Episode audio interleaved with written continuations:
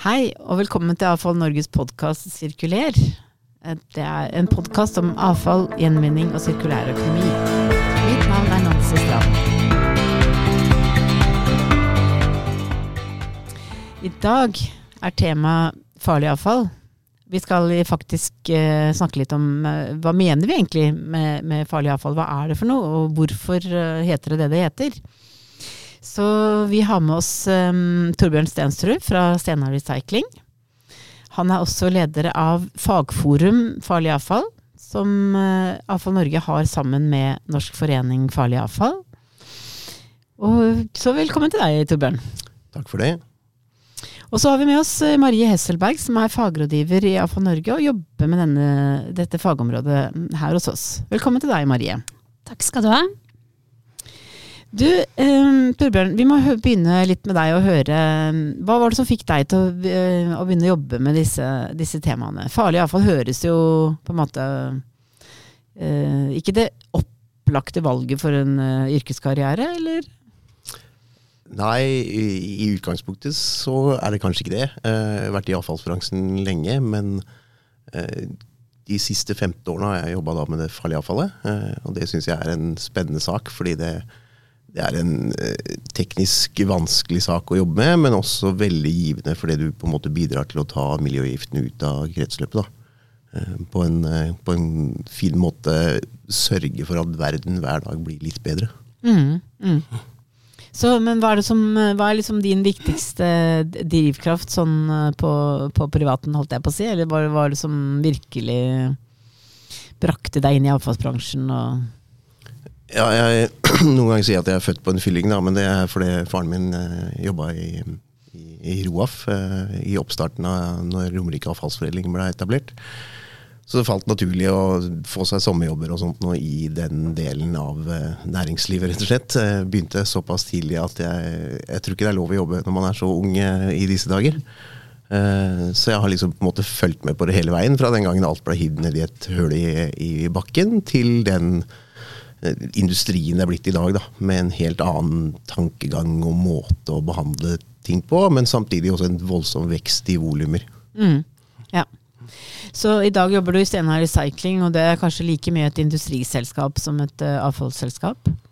Ja, vi jobber jo med Det er et svært konsern som jobber med alle mulige typer avfall, eh, og har tett dialog med industrien, men har jo også På avfallssida så har vi jo også egne anlegg som tar imot mye, mye mm, aluminium, som da smeltes og selges ut igjen til, eh, til industrien igjen. Da. Så vi har jo hele verdikjeden sånn sett. Mm, mm. Men, uh, men Marie, hva var det som fikk deg til å begynne å jobbe med, med avfall? Nei, jeg tok en mastergrad i Liverpool som het Environmental Assessment and Management. Og der var det flere av emnene jeg hadde som kom inn på dette med avfallshåndtering. Og da var det en professor som sa at hvis du vil være sikra jobb, så fokuser innenfor avfallshåndtering, fordi at det kommer det til å være masse fokus på fremover. Nå når det, starter, når, når det blir mer fokus på den sirkulære økonomien, så er dette en viktig brikke i det. Så når jeg skulle da skrive selve masteroppgaven min, så søkte jeg meg da mot uh, avfallsselskapet i Mercyside, Liverpool-området, og hørte om, de, om jeg kunne gjøre noe i samarbeid med dem, og så da på ombruksløsninger på gjenvinningsstasjoner. Um, og mens jeg holdt på med masteroppgaven, så søkte jeg jobb, og fikk, eh, fikk, en, eh, fikk tilbud om en jobb i Follo Ren. Så jeg gikk rett fra mastergraden min og over til Follo Ren, som er et interkommunalt selskap, avfallsselskap. Um, og startet da der i 2016. Og kom videre derfra over i Avfall Norge nå i mai i fjor. Ja, ikke sant. Så du fulgte rett og slett et, et godt råd du, fra det en professor vi, vi liker, vil jeg si. Han syns jeg det Han kommer til å ha sine ord i behold. Så, men hva, hva syns du, for, for din egen del, hva er det du virkelig syns er artig med de, alle disse oppgavene som vi jobber med her? Det er jo nettopp det at det er eh, ekstremt viktig at vi tar vare på de ressursene vi har. Um, det begynner å bli manko på det. Vi bruker mye mer enn det vi, vi kan. Det som vi har råd til, sånn eh, sett fra jordens perspektiv. Eh, Og da er det viktig at de blir da, når vi er ferdig med å bruke det, først bruker det så lenge som mulig, og så at det blir behandlet på en god måte for nettopp å beholde det i kretsløpet. Med unntak av farlig avfall, som må behandles på en måte som gjør at det kommer trygt ut av kretsløpet. Men da kreves det arbeid, og det kreves fokus på det fremover. Så det er jo på en måte det som er interessant, er jo nettopp det å hele tiden jobbe med noe som som må tas tak i for at man skal få en mer bærekraftig fremtid. Ja, og det er vel kanskje det som, som kjennetegner eh, det å jobbe innenfor avfallsbransjen. Det er noe som må tas tak i hver eneste dag. Så, men men eh, Torbjørn, jeg vet at du har vært veldig opptatt av dette med å si, hverdagen. Og fordi når vi hører ordet farlig avfall, så blir vi jo litt betenkt. Hva som tenker eh, Kanskje man tenker de store tingene Eh, hva, hva, er det du hører, hva er det folk tenker når vi sier farlig avfall? Ja, jeg har jo mange tilfeller altså Det jeg syns er litt spennende nå, det er jo at for ti år siden så var det greit å jobbe i avfallsbransjen. For 20 år siden så var det veldig spesielt og litt rart. Uh, og nå er det sexy å jobbe i avfallsbransjen. Og det er en fantastisk utvikling. Uh, problemet er at mange har ikke noe reelt begrep eller noen formening om hva vi egentlig snakker om. Vi snakker et stammespråk som mange ikke har helt innblikk i. Eh, og de tror kanskje, Særlig når vi snakker om farlig avfall, så snakker, ser de kanskje for seg Hauge som står og graver opp noen gifttønner utafor Institutt for energiteknikk, eller eh, voldsomme utslipp av olje når et skip grunnstøtter, eller det er eh, syrer og baser som er på en måte man kjenner til at er veldig farlige. Eh, mens det er utrolig mange produkter i hverdagen rundt oss som er helt ufarlige å bruke. De er rundt i, overalt, i både hjemmet vårt og på arbeidsplassen og i det offentlige rom. Eh, som den dagen det skal kasseres, er plutselig definert som farlig avfall pga. innholdet av enkelte miljøgifter. Og disse miljøgiftene er jo tilsatt for at de skal f.eks. vare så lenge som mulig. Da, som vi er opptatt av at ting gjør. Men hvis du skal ha noe som står utendørs til å vare lenge, som er lagd av et organisk materiale, så må du tilsette en eller annen miljøgift så bakteriene ikke bryter dette ned. Og det må vi ta vare på når det kommer inn igjen som avfall. Og mm. Da må vi passe på at de miljøgiftene ikke ender opp i andre typer produkter der disse miljøgiftene ikke bør være. da. Mm, ja. Men du har jo uh, til og med spilt inn en egen liten film om dette. her. Den finner man på YouTube, kanskje? Eh, ja, for noen år siden så hadde vi en farlig avfallskonferanse hvor vi lagde et eh, i Norsk forening farlig avfall lagde et opplegg eh, rundt på en måte hvilke mengder farlig avfall som faktisk omgir oss i hverdagen, eller hva som blir farlig avfall når vi kaster ting, eller at det oppstår farlig avfall når vi, det produseres ting som vi bruker mye av i hverdagen. Jeg lagde et, eh, på en måte en livsløpsanalyse da, fra, eh, fra, vi blir født til vi blir gravlagt, og hvor mye vi er egentlig borti underveis. Mm, mm. Og jeg tror mange blir litt overraska. Men Kan ikke du ta et eksempel på et uh, produkt som vi omgir oss med og bruker, om ikke daglig, så i hvert fall nesten, og, men som, men som, og som vi ikke tenker over, men som er definert som farlig avfall når det når det blir avfall? ja, altså du kan eh, ta eh, Hvis du går en tur i skogen på denne tida her sånn, når det er lite snø, så går du kanskje i en, en lysløype hvor det er noen gamle kreosotstolper hvor det henger lysløype eller lys, står det lyskilder på. Hvis noen skal rive ned de stolpene, så må de behandles som uh, farlig avfall. Mm. Samtidig som de gir oss tilgang på natur og den delen av livet som vi virkelig ønsker å nyte. Men det er ingen som tenker på at det blir farlig avfall den dagen. Mm, ja. Jeg vet at det er et tema som mange i avfallsbransjen er opptatt av um, om, um, etter pandemien, eller i, i, forbindelse med pandemien, og det er dette med terrasser og trevirke. og uh, Vi pusser jo opp uh, mye. Uh, dette landet har pusset opp mer nå de siste par årene. Så der har det jo også vært en veldig spennende utvikling, egentlig. på Absolutt. altså Trykkimpregnert trevirk, såkalt CCA, da, altså kobberkromasjen, er jo definert som farlig avfall. Eh, det nye treverket nå, som ikke klarer å skille fra det gamle pga. at det er kobberet som farger det grønt, inneholder jo nå bare kobber. Eh, og har vel såpass lave grenseverdier eller verdier at det er under grenseverdien egentlig for farlig avfall, men det blir ofte behandla som farlig avfall. Men de gamle terrassene de må vi håndtere som farlig avfall for å unngå å få eh, krummen og asjenen ut i, i kretsløpet igjen. Mm, mm.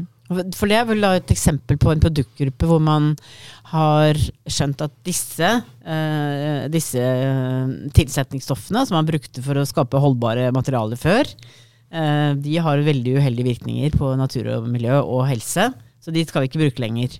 Ja, altså Grunnen til at man tilsatte de er jo fordi de har en uheldig virkning på natur eh, og miljø. Fordi de rett og slett dreper de soppene som ville spist opp terrassen vår, og den ville vært råtten etter fire år allikevel. Nå holder den i 25, og det er jo bra. Eh, men vi må passe på å håndtere det avfallet når det, når det skal kastes på riktig måte. Ikke blande det inn i f.eks. sponplater eh, eller andre nye bygningsplater, da, så man får dette her inn. Eh, altså, Arsenen i, i, i trykkimpregnert trevirke vil jo bli til arsenikk når du brenner opp. Så hvis du har et bål eh, hvor du har brent trykkimpregnert gammelt trevirke med arsen i, så vil du ha arsenikk i aska. Og det vil vi helst ikke at barna våre skal leke i nærheten av, f.eks. Eh, et, et, godt tips til uh, sankthans, uh, til de som bygger sankthansbål ute langs kysten, eller? Ja, det er litt tungt å gå forbi enkelte av sankthansbål før de er tent på noen ganger når man jobber med det man jobber med. Så får man litt, litt uh, dårlig følelse noen ganger. Mm, mm. Men altså, er det fordi Du fortalte meg før vi startet her i dag at, at mengden farlig avfall har økt ganske dramatisk, egentlig, de siste ti årene 10-15 årene? Ja, altså de tallene som vi ser kommer, er jo at uh, det fra 2003 til 2017 økte med 90 uh, Nå er det ikke sikkert det er blitt så veldig mye mer konkret avfall, men det er blitt definert som farlig fordi man har funnet at en del av de tilsetningsstoffene som kanskje man fant opp på 80-90-tallet var kjempelure å tilsette enkelte produkter, nå viser seg å ha en helseskadelig eller miljøskadelig effekt når det kommer ut i naturen i visse mengder. Da blir disse produktene plutselig definert som farlig avfall, som kanskje tidligere ikke var det. da. Mm, mm. Så, så, den økningen er rett og slett fordi at det er definert nå? Ja, altså, eh, definert inn i, i, kategorien Ja, mengden har jo vært der hele tiden, men man har kanskje ikke visst om at stoffet er helseskadelig da, før mm. nå. Så mm. det mest beste eksempelet er kanskje denne florsmøringa, som nå, altså alle gliderne som har vært under skiene, som nå plutselig er forbudt å bruke i det hele tatt. Da. Mm, mm, mm og som man faktisk vil samle inn. Um, ja, Apropos det, fordi hva gjør man egentlig da med det når det kommer inn? Uh, kan du ta et eksempel på, på, Hvordan må man da behandle uh, Hvis vi går tilbake til terrassen, da. Mm. Uh, du vet at uh, her kommer det en Du får vite av kunden at her kommer det en, en gammel uh, trykkimpregnert terrasse, så den vet du inneholder miljøgiftene. Mm. Hva, gjøres, hva, gjør, hva, skjer med den i praksis? Ja, I praksis så håndteres den da, må passe på at du ikke blander den med vanlig ordinært trevirke. Eh, og så blir den jo sendt til eh, Som regel så blir den samla sammen i litt større hauger. Eh, og kverna opp og sendt til forbrenning, rett og slett. Hvor forbrenningsanleggene da har tillatelse til å brenne det fordi de har så god røykgassrensing at de plukker opp disse farlige stoffene i røykgassen sin. Da. Men da flytter man jo på en måte avfallet, eller altså de miljøgiftene fra treverket og over i flyvaska f.eks. Mm. Som når den røykgassen skal renses, ja. Og hva skjer med den egentlig? Nei, Nå har det jo i mange år blitt deponert på Langøya, og så har det blitt ganske fullt på Langøya. Men nå er det jo en voldsom utvikling rundt det med gjenvinning av også produkter. Altså få ut enkeltstoffer fra flyvaske som kanskje er gjenvinnbare, da. Så man slipper å deponere de. Mm, mm. Men det vil alltid være noen rester igjen tror jeg, i en del av den flyvaska som kanskje vi vil ha ut av kretsløpet uansett. Mm, mm. Men altså, vi, vi, øh, vi, snakker jo nå mye om sirkulærøkonomi, og, og, så her er det på en måte to, to prosesser, da, eller to trender, eller hva jeg skal si. At øh, det ene er jo at vi vil holde ting mest mulig i kretsløp, og vi vil utnytte det mest mulig. Um, men på den annen side så, så Vi snakker jo også om å avgifte kretsløpet, og noe må helt ut. Uh, men, men uh, hva, kan, hva, kan, gjøres? Uh, Marie, dette er jo kanskje noe som man for Norge har jobbet litt mer med. Altså, hvordan kan vi tenke, liksom, kan avfallsbransjen samarbeide med, med, designerne og industrien som lager disse produktene, om å, å skjønne hva er det At de kan bruke den kunnskapen vi har, da Eh, for å erstatte de verste miljøgiftene med noe annet? Ja, det er jo mange i bransjen som nettopp eh, jobber inn mot design. fordi at når du ser på den sirkulære økonomien, så er det jo nettopp det at den er sirkulær. Det skal ikke produseres noe som bare brennes, f.eks., og så er det ute.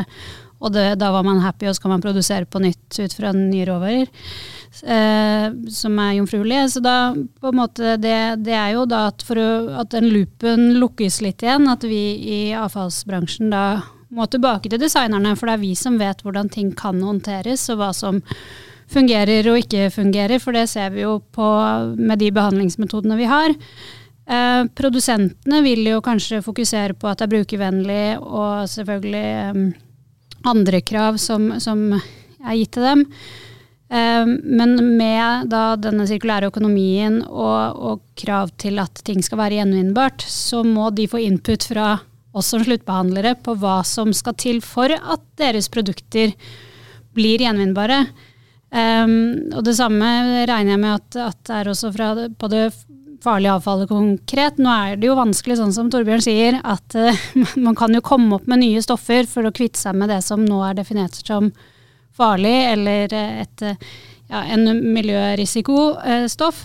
Og så finner man opp noe nytt, og så viser det seg om 15 år at oi, det var ikke så bra så likevel. Men, men, samtidig så er det det samspillet som er viktig fra oss som sitter i enden, og tilbake til de som sitter, hvis man skal si, på starten.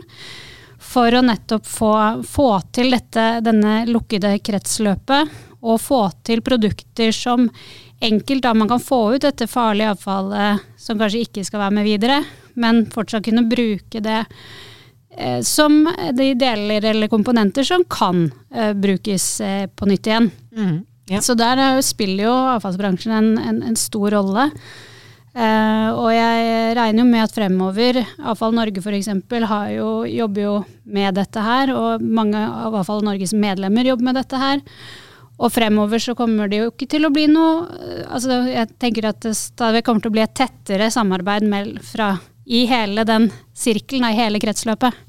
Ja, jeg syns det, det, er en veldig spennende utvikling. Jeg spørs om man liksom kan korte ned den eh, tiden det tar fra man skjønner at, uh, at dette stoffet her har betenkelige sider. Kanskje nettopp ved hjelp av den kunnskapen som avfallsbransjen har. da. Um, men det som, det som, kanskje er litt vanskeligere å få full aksept for, hvis jeg skal si det på den måten, det er jo at uh, vi må faktisk ta hånd om de miljøgiftene uh, og gjøre det på en ordentlig måte. Det er ikke alltid like lett å, å kanskje få den aksepten. Da. Uh, hva er din erfaring der, Torbjørn? Nei, altså Hele bransjen vår opplever jo nyetableringer som problematisk. Eh, til og med endringer i de eksisterende konsesjonene vi har på gitte lokaliteter, kan det være vanskelig å endre på. Både pga. lang saksbehandling, men også mye protester fra nærmiljøet. Eh, og det er klart, Hvis du skal etablere et avfallsanlegg, så, så er det mange som reagerer negativt. Eh, kommer du drassende med et anlegg som i tillegg skal håndtere farlig avfall, eller behandle farlig avfall, så kan det hende folk blir enda mer skeptisk. Men det er kanskje fordi de ikke vet hva farlig avfall egentlig er, da, og hvor mye de egentlig omgir seg i hverdagen med det, eller hvor mye som produseres for at livsstilen deres faktisk skal kunne gjennomføres på den måten de lever på i dag. Mm, mm. Det er ikke så lett problemstilling. altså jeg ville jo tenke det selv også, hvis jeg bodde i et nabolag og fikk høre at ja, liksom på, på nabotomten da, som, Ja, det er en næringspark, men her kommer det et farlig avfall, eller et anlegg som skal behandle farlig avfall. Samtidig så er det veldig mange som er glad for at det kommer næringsområde, eh, altså område tilsatt, eh, avsatt for eh, nærings- og industriområder. Men jeg mener jo det burde vært eh, avsatt 10 av arealet til avfallshåndtering i reguleringsplanene. At det ikke var lov å etablere et næringsområde hvis det ikke var satt av si 10 da, til mm. avfallshåndtering. For mm. du kan ikke drive en eller annen form for industri eller tjenesteytende næring for den saks skyld uten å produsere en eller annen form for avfall. Det er mm. fryktelig vanskelig å gjennomføre i praksis. Ja, ikke sant. At det, det, er på en måte når arealplanen legges at den type um, arealer må avsettes, rett og slett. Ja. Uh, så, så, um, Men det, det, det, det si, kampen om arealene har jo bare blitt Eh, tøffere og tøffere, også kanskje særlig i, urbane strøk, selvfølgelig. Det er kampen om, om, arealer. Men dette er jo også, eh, det er jo også verdiskaping eh, og arbeidsplasser. Altså, og det er veldig kompetansekrevende arbeidsplasser, som du var inne på i stad. Fordi du må Dette krever Det er mye kunnskap som skal til for å gjøre dette på gode måter, da. Ja, du skal, kunne, du skal kunne kjemien, du skal kunne den tekniske gjennomføringa av operasjonene som får gjøre det riktig. Eh, du må kunne alt om HMS og beskyttelse av de ansatte. Eh, og du må kunne lovverket. Eh, du må kunne import-eksportregelverk. Du må på en måte ha en oversikt over hele verdikjeden da, før du setter i gang med noe som helst. For du, du kan ikke brenne inne med noe av det her til slutt. Du må finne en løsning som enten bruker disse miljøgiftene om igjen til det de kanskje ble brukt til i utgangspunktet, så man ikke putter inn nye miljøgifter i hvert fall. Vi er avhengig av en del miljøgifter i forhold til den livsstilen vi har i verden i dag. Men vi de stoffene som vi absolutt ikke vil ha ut igjen, eh, de bør vi i hvert fall enten destruere på høy temperatur hvis mulig, eller så må de da deponeres i sikre deponier. Sånn at ikke de kommer ut i kretsløpet igjen. Mm, mm. Men du var inne på en ting nå, og det som vi heller ikke tenker over til daglig, og det er, som du sier, det avfallet som oppstår ikke i, eh, ikke i det, set, altså det er ikke det at det tilsettes produktene, men det oppstår når vi produserer. Mm. Um, og jeg vet at uh, altså når du produserer en mobiltelefon, uh, så er det jo en vesentlig større avfallshaug mm, når den er ferdig produsert, enn det selve den mobiltelefonen uh, veier. Da. Så hva med det avfallet? Hva, hva, skjer med det i dag? Ja, det er jo, altså Alle produkter har jo en eller annen, stort sett en eller annen form for avfallsproduksjon i produk, altså i, i, i produktfasen så oppstår det også avfall, og også farlig avfall. Det kan være alt mulig rart. Men det er alltid kapp, det er alltid lekkasje, det er alltid noe som ikke har god nok kvalitet. Ehm, men det, det er klart, alle bedrifter jobber jo mest mulig for å redusere mengden avfall, men det vil alltid oppstå. Og det, disse nye batterifabrikkene som skal etableres faktisk nå, de regner med ganske store mengder avfall. Særlig i oppstartsfasene er det visst eh, snakk om ganske store mengder. Et annet eksempel er jo disse produsentene av vaksiner nå. De produserer enorme mengder med løsemidler. Jeg kan ikke teknikken på hvorfor det oppstår løsemidler når jeg skal få en, en sprøyte i armen, men eh, det er snakk om mange tankbiler per uke som kommer ut av disse fabrikkene, som må gjøres eller annet, en eller annen behandling av. Mm. Men har kapasiteten til å behandle dette fullt, fullt med i utviklingen, sånn som du ser det? Nei, eh, absolutt ikke. Eh, nevnte du vel sa rundt 90 økning de, de siste 15 åra. Eh, men det er ikke 90% mer behandlingskapasitet på farlig avfall. Eh, og på enkelte fraksjoner nå så begynner vi å nå et metningspunkt i forhold til mengden som oppstår, kontra hva som faktisk er mulig å behandle. Eh, og det er en litt skremmende utvikling, syns jeg, da. Ja, for hva gjør vi da? det er jeg usikker på, men sannsynligheten for at noe havner på avveie etter hvert som prisene stiger og lagerkapasitetene når taket, så er det jo større og større sannsynlighet for at det skjer noe gærent i den verdikjeden. Og det er kanskje mer skremmende enn om det etableres et behandlingsanlegg til for farlig avfall et eller annet sted. Mm, ja. Det er noen perspektiver her, altså. Men jeg må si at uh, fra, fra eh, fra jeg begynte i denne bransjen her, eh, som jo også begynner å bli noen år siden, når jeg tenker meg om. Eh, men jeg har også opplevd at eh, jeg syns at bransjen selv har, eh, tar dette kanskje mer eh, Enda mer på alvor nå enn, man gjorde kanskje for si 30 år siden. Da, eller at man måte, Som du var inne på, kompetansenivået og Det er ikke Det er helt slutt på snarveiene i som man kanskje kunne se i bransjen i, historisk sett? Ja, absolutt. Det er mer kontroll på, på hvor ting blir av. Det er mer sporing. Det er mer interesse blant områdene, altså lokalbefolkningen og myndighetene på hvor ting blir av. Og det er mer fokus på at altså stoffer som man før kanskje hadde en teori om at det kunne være eh, farlig, men ikke hadde noe regelverk. Nå har fått et tilpassa regelverk så du faktisk må håndtere i henhold til de, de reguleringene som fins. Mm, mm. Men altså dette med ombruk har jo nå Det har liksom eh, seilet opp. Uh, har jo, man har jo testa um, Altså at man kan jo på si uh, hadde nær sagt dele malingsspann, men altså, hva skal vi si? Altså at, vi, at man kan begynne å levere inn igjen, da. Eh, produkter og kjemikalier som man ikke trenger lenger selv, og som andre kan dra nytte av. Altså, eh, for der vet jeg at uh, der har også NFFA vært veldig på ballen og, og ja, kommet med veileder og sagt litt om hva som skal til da, for å få til det. Mm. Ja, altså Det er jo spennende, det. Farlig avfallsbransjen er jo ofte litt sånn en forutsetning for at den sirkulære økonomien skal fungere, tenker jeg da, fordi vi skal ta ut miljøgiftene. Men det er jo enkelte av de produktene som i dag selges lovlig over disk. Og så bruker man opp halve malingsspannet eller halve flaska med whitesprit. Eh, og så av en eller annen merkelig grunn så går man og kaster det istedenfor å bruke det opp. Eh, det beste jo vært å bruke det opp, men det er nå engang sånn. Eh, alle som har vært innom på en gjenbruksstasjon ser disse farlige avfallsmottakene og hvilke mengder som kanskje står der. Og det er klart, eh, hvis, hvis, man bare trenger en halv liter whitesprit, så kan det hende det kan være fornuftig at, eh, at, eh, kommunen enten deler det ut eller selger det ut igjen. Men det er klart, problemet er at det er en del farlige stoffer i det her i forhold til HMS-biten, også for privatpersoner. Og hvis noen da har fylt noe annet på den whitesprit-flaska enn white sprit, så kan jo det få ganske alvorlige konsekvenser. Eh, eller det ikke fungerer til det du har tenkt at det skulle fungere som. At du rett og slett ødelegger det du bruker det til. Og hvem er da erstatningsansvarlig og sånt rundt den problematikken? Eh, hvis du går i butikken og kjøper noe, så vet du i hvert fall at det produktet som står på flaska, er det som er oppi. Eh, og det er en vanskelig avveining, tror jeg, for de mottakene som ønsker å enten dele ut eller selge farlig avfall. Altså ting som er levert inn som farlig avfall ut igjen som et produkt. da. Og Det er jo det vi har prøvd å se på i den eh, veilederen, eller det notatet, i forhold til hvilke risikomomenter anleggene som gjør det, faktisk påtar seg.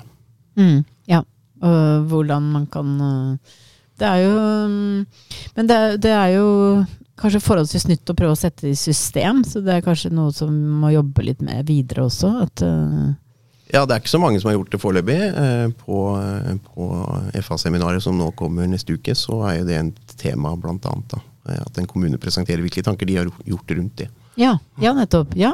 Men og apropos det. Eh, FA-seminaret sier du med den største selvfølge. Da, men altså, vi skjønner jo av sammenhengen at det er farlig avfallsseminaret. Da. Eh, men nå kan det hende at noen hører på denne podkasten etter at det har vært. Men for de som, eh, som, eh, som eh, hører den nå, så kan de jo få vite litt om at det skal være et seminar. ja, det er da Fagforum farlig avfall som har hatt programkomiteen og som har arbeidet frem programmet. Det er et seminar som har et driftsfokus. Det er hybrid, så det finner sted på The Hub. Så man kan være fysisk deltaker, eller man kan følge det på nett. Eh, går over en hel dag 10. mars. Har eh, masse interessante temaer, da bl.a. dette med ombruk eh, av farlig avfall. Eh, innsamling av pyrotekniske artikler, nye regler på det. Hvordan skal man forholde seg til det? Eh, ja, hva hvordan arbeider konsulenter når de tar på seg oppdrag med å utforme nye anbud? Og der Torbjørn skal snakke om veilederen for hva må de tenke på når de utarbeider nye anbud. Det er masse spennende temaer. Eh, det står mer om det på nettsidene våre. Men absolutt, hvis man jobber med farlig avfall eller har interesse av farlig avfall, så er det verdt å få med seg. Ja, absolutt. Eh, det kommer også et innlegg fra DSB rundt denne eksplosjonen som var på Returkraft i, i sommer som kan være av stor interesse for mange, tror jeg. Mm, mm. Er det noen måte å få med seg innholdet her, um, hvis man hører denne podkasten etter at seminaret har vært? Uh, man kan ta kontakt og, og, og, få tilgang ved å kjøpe en digital billett og få det tilsendt i etterkant. Uh, det skal sies at alle foredragsholderne har rett til å reservere seg mot deling i etterkant. Per nå så er det to innlegg som vi ikke kan dele. Eh, men eh, så fremt det er godtatt av, eh, av de som holder innleggene, så kan, kan, vi dele det. Og stort sett ser det ut som det blir alle minus to. Ja, men Så bra. Så det betyr at man kan få tilgang på den, på den kunnskapen. Men i dette fagforumet, eh, har dere, hvilke temaer ser dere for dere at dere skal jobbe med framover nå? Det, har dere um, laget en prioritert plan for, for det året vi er inne i? Uh, vi har ikke en veldig konkret plan, sånn sett, men vi er veldig opptatt av å på en måte få diskutert på et kanskje litt mer driftsrelatert nivå en del av de temaene som både NFFA og Avfall Norge har oppe på agendaen. da.